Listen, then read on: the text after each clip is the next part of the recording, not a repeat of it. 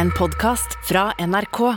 De nyeste episodene hører du først i appen NRK Radio. Hotar man en Nato-medlem, da vet man at da hotar man alliansen. I Sverige er noe mange trodde var helt utenkelig i ferd med å skje. utesluter ikke et NATO-medlemskap eh, på noe sett. For mens svenskene i over 200 år har sverga til et prinsipp om å stå fritt uten en militærallianse, har de nå blitt tvunget til å revurdere det. Finland vil søke medlemskap i Nato. Det kunngjorde president Sauli Niinistö og statsminister Sanna Marin i dag. The decision marks a monumental shift from a long held position of military non alignment. For nabolandet Finland vil bli med i Nato, og nå brenner det under føttene til Sverige. it's worth emphasizing that if Sweden uh, were attacked and looked uh, to us for help and support, then we would provide it. Mai måned kan bli veldig historisk i Norden. Det det vil bety, er jo at uh, Norden da blir ett innenfor Nato. Men flere mener at et svensk Nato-medlemskap er risikabelt. Kommer svenskene til å trosse Putin? Og hva betyr alt det her for oss i Norge? Du hører på Oppdatert. Jeg heter Gry Baby. Ja, det at eh, Sverige nå vurderer å søke Nato-medlemskap, det var det ingen som hadde trodd for bare et par måneder siden. Joakim Reigstad, du er vår helt ferske Norden-korrespondent her i NRK. Og nå har Finland altså sagt at de kommer til å søke Nato-medlemskap, og ifølge svenske medier så kommer Sverige til å gjøre det samme. Og Joakim, hvorfor har det vært så utenkelig at Sverige kom til å søke det har vært utenkelig fordi at eh, Sverige har holdt denne nøytralitetsfanen veldig høyt veldig lenge. Man har ønsket å ikke tilknytte seg noen uh, allianse eller noe slikt, å ha noe sånn forsvarssamarbeid. Man har klart seg selv, og man har ikke tatt del i noen konflikt. Men så ser man da at krigen i Ukraina den har endret mye, og den endrer også mye på svensk måte å tenke sikkerhet og forsvar på. For vi i Norge vi er jo med i Nato, North Atlantic Treaty Organization, som det heter da på engelsk. Eh, men Sverige valgte en annen modell, og det har de gjort lenge. For allerede da Nato ble oppretta i 1949, så var jo ikke det noe for Sverige, som hadde vært nøytrale under andre verdenskrig, og lenge før det. Ja, denne forsvarsalliansen, altså Nato, ble jo opprettet da ganske kort tid etter andre verdenskrig. I utgangspunktet en litt sånn eh, eksklusiv eh, klubb. Det var tolv land fra Europa og Nord-Amerika. Eh, USA, Canada, Frankrike, Storbritannia, og så var jo da Norge faktisk med på å grunnlegge Nato. Organiseringen av Atlanterhavspakten pågår nå for full kraft. Den amerikanske forsvarsministeren Louis Johnson summerte formålet med A-pakten slik å hindre aggresjon å forsvare deltakerlandene og å slå tilbake en eventuell angriper. Og Disse tolv landene her, de gikk jo sammen for å alliere seg og for å vise motstand og være en motvekt til det som skjedde i Sovjetunionen. Men da Sovjetunionen falt på 90-tallet, så ble det jo sånn at enda flere land kunne være med. Nato utvides. Inn fra den kalde krigens skygger kommer Polen, Ungarn og Tsjekkia. Deres styrke går inn i alliansens tette, nære samarbeid på lik linje med alle de andre. Sju land i Øst-Europa har fått grønt lys av Natos toppmøte i Praha i dag til å bli medlemmer av Nato. Ja, og Dette er den største utvidinga av Nato noen gang, og er i seg sjøl ei historisk hending. Men Sverige og Finland de holdt seg fortsatt unna. Og motstanderne mot Nato de trakk ofte fram noe som er helt spesielt for forsvarsalliansen når de argumenterte mot et medlemskap. Nemlig artikkel 5. Ja, det er jo det viktigste i hele Nato-samarbeidet. Det er den lovnaden som medlemslandene gir hverandre. Et væpnet angrep mot ett eller flere av medlemslandene. Det er et angrep mot alle sammen. Så svenskene, i motsetning til oss her i Norge, de har ingen store, sterke venner som automatisk kommer og hjelper dem hvis de skulle bli angrepet. Og i 2001 kunne svenskene si at Nato virkelig satte handling bak orda sine, og at det å være med i Nato, det kunne utløse et potensielt stort ansvar. Ja, for artikkel 5 har blitt brukt én gang i historien. Og det var etter Al Qaidas terrorangrep mot World Trade Center i New York i USA 11.9.2001. Og kort tid etter gikk Nato inn i Afghanistan. On my orders, the United States military has begun strikes against Al Qaeda terrorist training camps and military installations of the Taliban regime in Afghanistan. We are supported by the collective will of the world. Og det ble starten på en lang krig som alle Nato-land deltok i. Ja, for da kunne Sverige se hvordan Nato-land fikk hjem soldater i kister i en kostbar krig som mange av medlemslandene ikke engang følte at var deres. Og dessuten kosta det jo penger å være med, så Sverige de valgte å stå på utsida. Ja, for i over 200 år så har Sverige hevdet at de er alliansefrie. Dette kan være av flere grunner til at dette har vært viktig for, for svenskene. Vi vet at det har vært en stor kolonimakt, en stor krigsmakt. Kanskje er det litt ferdigkriget. I hvert fall var det det man har ment tidligere. Samtidig så skal vi huske på at Sverige er en kjempestor våpenprodusent. Jagerfly, våpensystemer, massevis. Så de har et ganske sterkt forsvar også av eget land. Og det kunne jo virke som at de fleste svensker var godt fornøyd med å klare seg mer eller mindre på egen hånd. Men i 2014 så skulle det skje noe meget spesielt som fikk svenskene til å stille spørsmål om hvor trygge de egentlig var, og hvor lurt det var å stå utenfor Nato. Fungerende innsatssjef Anders Grenstad kunne i går kveld vise frem et oppsiktsvekkende bilde som Forsvaret mener viser en utenlandsk undervannsfarkost. Ja, Det hele startet jo med et hobbyfotografi som var tatt i den svenske skjærgården. På dette bildet her så kunne man se noen trær i forgrunnen, og så så man liksom det blå havet. Eh, og midt på bildet så var det noe hvitt skum rundt det som nok så ut som et ubåtperiskop, hvis man så litt nøye etter. Det var litt vanskelig å få øye på det, det var vanskelig å tolke, men bildet satte altså hele Sverige på hodet. Det gikk verden rundt. Han som tok bildet, varslet myndighetene. Eh, han fortalte at det kanskje kunne være en ubåt, og det svenske forsvaret det satte i gang en kjempestor jakt. Det svenske forsvaret opplyser i kveld at troverdige kilder har varslet om undervannsaktivitet i skjærgården. Flere fartøy, fly og heimevernssoldater er satt inn i det aktuelle området. Minrøyningsfartyg, korvetter og stridsbåter sirkulerer i jakt på det som befares være en fremmed ubåt. Det ble en ekkel situasjon for Sverige, for man husket jo at dette skjedde før. Det skjedde under den kalde krigen at russiske ubåter krenket svensk farvann. Så det var det man var redd for hadde skjedd igjen. Den russiske tankeren NS Concorde har vært utpekt som et mulig moderskip for en ubåt. Tankeren ligger nå stille utenfor Stockholms skjærgård. Altså, det hender ikke så mye her i Sverige. Vi er jo veldig nøytrale. Og så fort det hender noe, så tror jeg at man blir nervøs. Altså, det var jo opprivende for svenskene å oppleve at uh, kanskje noen krenkte deres territorium, men de klarte aldri å konkludere. Det svenske forsvaret sa vi vet at noe har vært her, men vi vet ikke hva det er. Men høyst sannsynligvis så var det et utenlandsk fartøy, i hvert fall, og hvis det ikke var svensk, så var det kanskje russisk. Og den elleville ubåtjakta med flere hundre personer fra det svenske forsvaret, det var jo ikke den eneste hendelsen som rokka ved tryggheten til både Sverige og Europa på den tida. Soldater fra russiske militser stormet i dag to militærbaser på Krimhalvøya.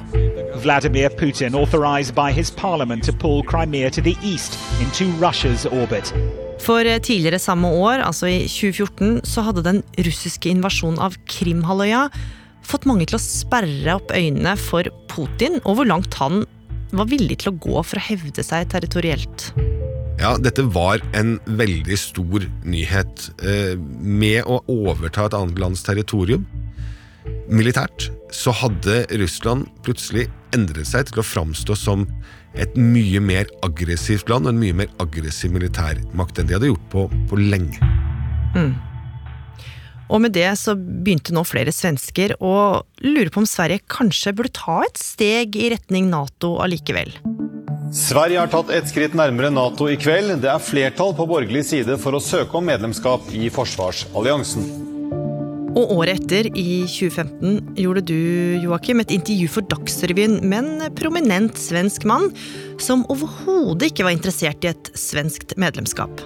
Den regjeringen jeg, har, jeg representerer, har mye klart sagt at vi kommer ikke til å gå inn i en medlemskapsdiskusjon. Derimot så har vi mye tydelig også sagt at vi skal fordype samarbeidet med Natos partnerskap og med en lang rad andre land.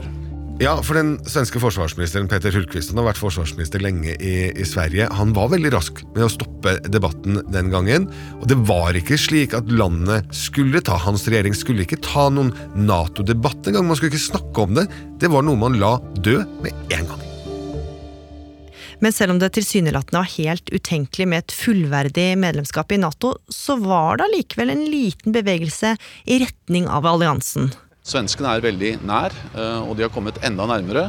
Fordi vi opplever et, eh, et østersjøområde med mer eh, russisk tilstedeværelse, med mer øvelser, mer flyaktivitet, som svenskene opplever som en utfordring. og Derfor søker de også nærmere samarbeid med Nato og Sverige knytta seg stadig tettere Nato. Men det var det tydelig at Russland ikke likte, for i desember i fjor fikk de en tydelig beskjed fra Putin. Ja, for da kom jo Russlands president Vladimir Putin med mange krav til Nato. Og det kom han med samtidig som det sto 100 000 russiske tropper på grensen til Ukraina. Et av de kravene var at Nato ikke skulle få lov til å få flere medlemsland.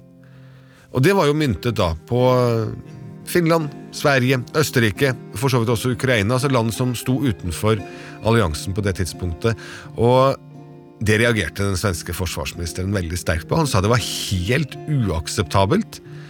Selv om han ikke ville inn i Nato, selv om han ikke ville ha noen Nato-debatt, så var det uaktuelt for han å bli diktert av Putin. Og de neste månedene ble forholdet til Russland bare enda mer spent. Ryssland tror at USA og Nato forsøker å holde tilbake Russland og Kina gjennom å låte flere land komme i Nato. Eh, vi ser jo nå i Europa med masser med militære styrker, så at på noe sett langsiktig har vi fått en sämre og sämre sikkerhetssituasjon. Og da russerne sendte flere krigsskip inn i Østersjøen, i nærheten av svenskt farvann, svarte svenskene. Det er en helt annen innramning her på Gotland enn hva man er van ved å se. Her i Visby patruljerer soldater med tunge våpen på gatene. Og med det gjorde Nato-debatten et stort comeback i Sverige og Finland. Det pågår jo en, en sterk eh, debatt rundt disse tingene her i Finland nå. Alle våre beslut om forsvars- og sikkerhetspolitikk fattes i den svenske riksdagen, ikke noen annen sted. Det er enklere å forsvare Sverige om vi gjør det med en forsvarsallians med 30 land, enn om vi skal gjøre det selv. Men den svenske regjeringa de sto fjellstøtt på at Sverige ikke skulle være medlem. Det viktigste nå er at ikke eksperimentere med de sikkerhetspolitiske grunndoktrinene. Men 24.2 i år skjedde det noe som verken den svenske regjeringa eller Nato kunne kontrollere. For da gikk Russland til angrepskrig mot Ukraina. Og Over natten så hadde jo sikkerhetssituasjonen endret seg, ikke bare i Ukraina, selvfølgelig der, men også i landene i hele Europa. Spesielt de som ligger nære Ukraina og Russland.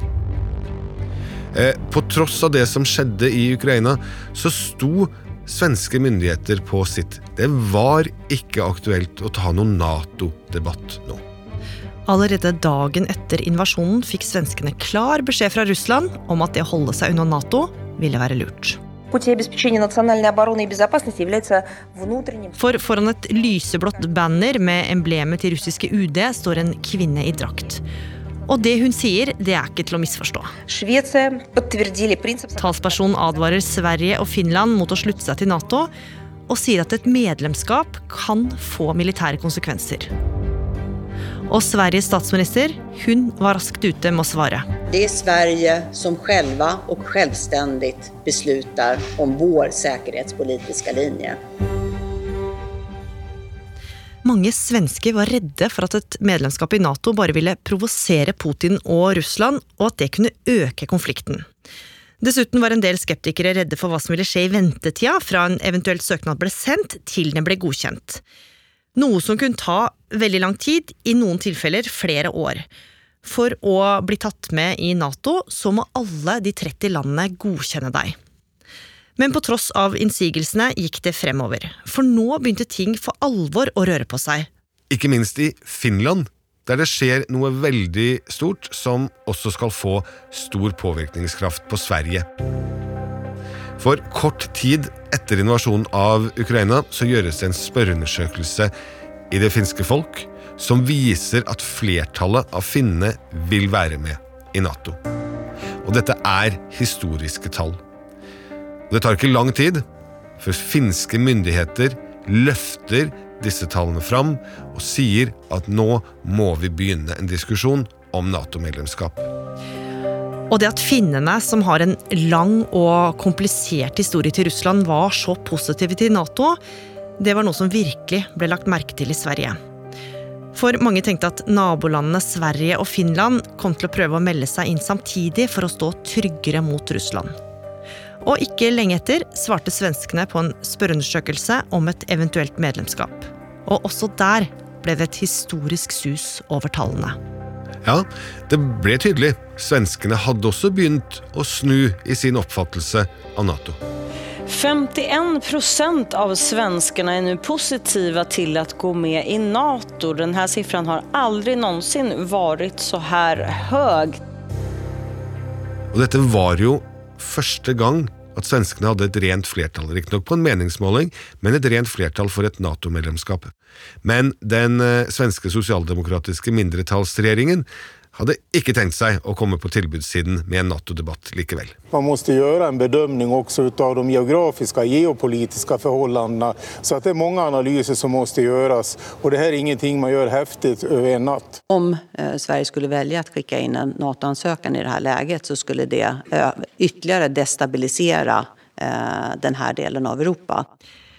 Men til tross for regjeringas harde nei til Nato-linje, så begynte de å ta flere ganske uvanlige valg.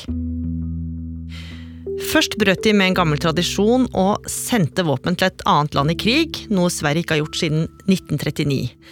Så satte de i gang med å øke forsvarsbudsjettet betraktelig. Men det var ikke nok til å roe Nato-tilhengerne i landet. Nei, opposisjonen sto sterkt, eh, og var nok også mer lydhør for hva den svenske befolkningen nå begynte å mene om Nato.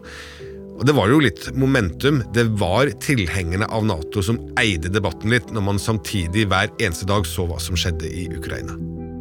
Og så sa jo han som er leder av Moderaterna, altså det største opposisjonspartiet i Sverige, at om de vant valget til høsten, så skulle han sørge for at Sverige ble innmeldt i Nato. Utspillet var noe som virkelig vakte oppsikt, og nå ble det kanskje tydelig for regjeringa at de måtte gjøre mer. Og under sendinga av det svenske TV-programmet 30 minutter nå i mars kom sjokkbeskjeden som eh, hadde vært helt utenkelig bare uker før. Hei og mye velkomne til vekkens 30 minutter. Gjest i kveld er statsminister Magdalena Andersson. Velkommen hit. Takk så mye. Der satt statsminister Magdalena Andersson i blå drakt med en liten pinn med det svenske flagget på brystet. Og det kunne virke som at hun hadde tatt en slags politisk helomvending. Utesluter ikke et Nato-medlemskap eh, på noe sett. Men jeg vil jo at vi skal gjøre en velgrunnet analys over hvilke muligheter vi har i dette leget, hot og risker med dem, for å fatte det beslut som er best for Sverige. For i Sverige er det valg til høsten, og statsminister Magdalena Andersson hun ville få unna Nato-spørsmålet før valgkampen. Fordi at hun ville antageligvis ikke ha noen ting å vinne, kanskje bare tape, på å skulle stå imot opposisjonen og forsvare hvorfor Sverige ikke skulle med i Nato. Så nå var tiden inne for å handle. Og nå skjedde det flere ting som fikk ballen til å rulle. Først sa Finland at de trolig ville søke, og at de gjerne ville ha med seg Sverige. Og så plutselig endra et svensk parti mening om Nato, og det tippa hele den politiske situasjonen. For nå mente majoriteten i Riksdagen, altså det svenske stortinget, at de skulle søke. Så nå gikk debatten inn i en ny fase. Nå skulle det handle mer om hvordan Sverige eventuelt kunne komme seg trygt inn i Nato. Ja, for det kan jo ta ganske lang tid vanligvis å få behandlet eh, søknaden sin til et Nato-medlemskap. Og i det tidsvinduet som oppstår mellom at man har levert søknaden sin og blitt akseptert som medlemsland, så er man i en ganske utsatt situasjon. Fordi at da er man ikke omfattet av artikkel 5, altså man kan ikke beskyttes hvis det skulle skje et angrep, for man er ikke Nato-medlem. Men for eksempel Russland vil jo da vite veldig godt at Sverige og Finland ønsker å bli Nato-medlem. Så det har vært en trussel. Hvilken sikkerhetsgaranti kan Nato gi til de landene i det tidsvinduet som går fra en søknad eventuelt leveres, til søknaden er ferdig behandlet og landene er tatt opp i Nato? Og så er det jo én da, som veldig gjerne vil ha Sverige og Finland med i Nato, og det er jo den norske generalsekretæren Jens Stoltenberg. For ikke så veldig lenge siden så kom han med en ganske spesiell og unik lovnad. If they decide to apply, the, uh, Finland and Sweden will be warmly welcomed and expect the process to go uh, quick. Rett og slett at Sverige og Finland altså kan bli tatt opp i Nato i rekordfart. Og igjen fikk svenskene klar beskjed fra Russland om at de ikke likte det de så, Joakim. Ja, først så svarte jo russerne med å krenke svensk luftrom, vil si at de sendte jagerfly inn i svensk luftrom. Og så kom det en liten merkelig kampanje. For på busker og rundt benker og i parker i Moskva i mai så dukket det opp noen plakater. Plakatene de viste bilder av kjente svensker, som barnebokforfatteren Astrid Lindgren eksempel, eller filmskaperen Ingmar Bergman. Og der ble de stemplet som nazister. På plakatene så sto det 'Vi er imot nazismen'. Det er ikke de. Så mange av svenskenes folkehelter de ble nå omtalt som nazister. Og det var nok mange som kjente det gå kaldt nedover ryggen da de så disse bildene, fordi det var jo samme retorikk som Putin brukte før invasjonen av Ukraina. De siste dagene har flere Nato-land sagt at de vil beskytte både Sverige og Finland i den utsatte opptaksperioden. Og 12. mai kunne svenskene se at Finland hadde tatt det store steget. Klokken eh, ni norsk tid så sendte altså eh, Sauli Ninistø, presidenten, og statsminister Sanna Marin ut en felles pressemelding der de sa at det som tjener finsk sikkerhet aller best, det er at Finland søker om uh, Nato-medlemskap, og at dette skjer så raskt som mulig. Og det har allerede kommet lekkasjer i svenske medier om at en søknad er rett rundt hjørnet, så det er tydelig at de har det travelt nå, Joakim. Man venter på hva regjeringspartiet Sosialdemokraterne skal bestemme seg for. De er jo veldig sånn partitro og skal høre med grasrota, hele partiet skal tas med. Og Joakim, hvordan vil det påvirke oss om begge landene blir med i Nato? Hvis begge land blir med, så vil Norden ha en mye sterkere stemme inn i Nato. Det vil si at de nordiske landene kan samarbeide, og så være en sterk og tydelig stemme når avgjørelsen skal tas i Brussel om hva Nato skal prioritere, og hvordan de skal gå videre.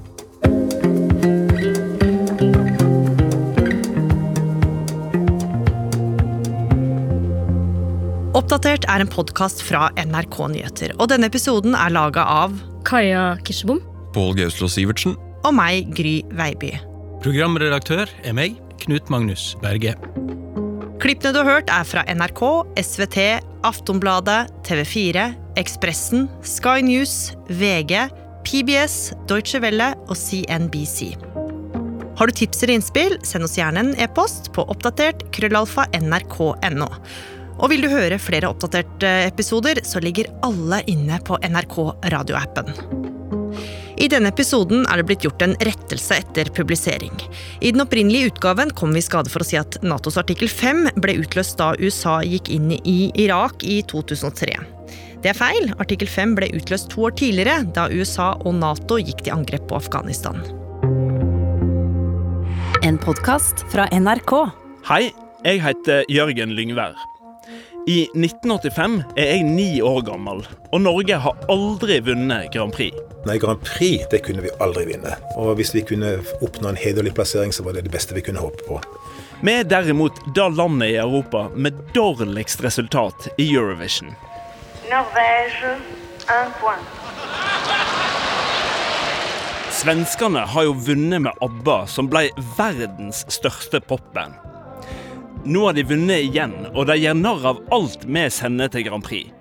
Hva er det her? Eh, det her kan jo aldri gå bra. Og man undrade også eh, hva har Norge sluppet fram denne gangen? Når Bobbysocks stiller med La det svinge, tennes et lite håp om at Norge kan få en bedre plassering. Når jeg bare hoppet opp av sengen så herregud, dette er jo en sinnssykt bra låt. Vi kommer til å vinne! Jesus, det er jo den låta. Nå har jeg laga hele historien om da Bobbysocks vant Eurovision. Den usannsynlige triumfen for Norge. Men også ble det så spennende. Det ble så spennende. Eurovision 1985, triumfen med Bobbysocks, hører du først i appen NRK Radio.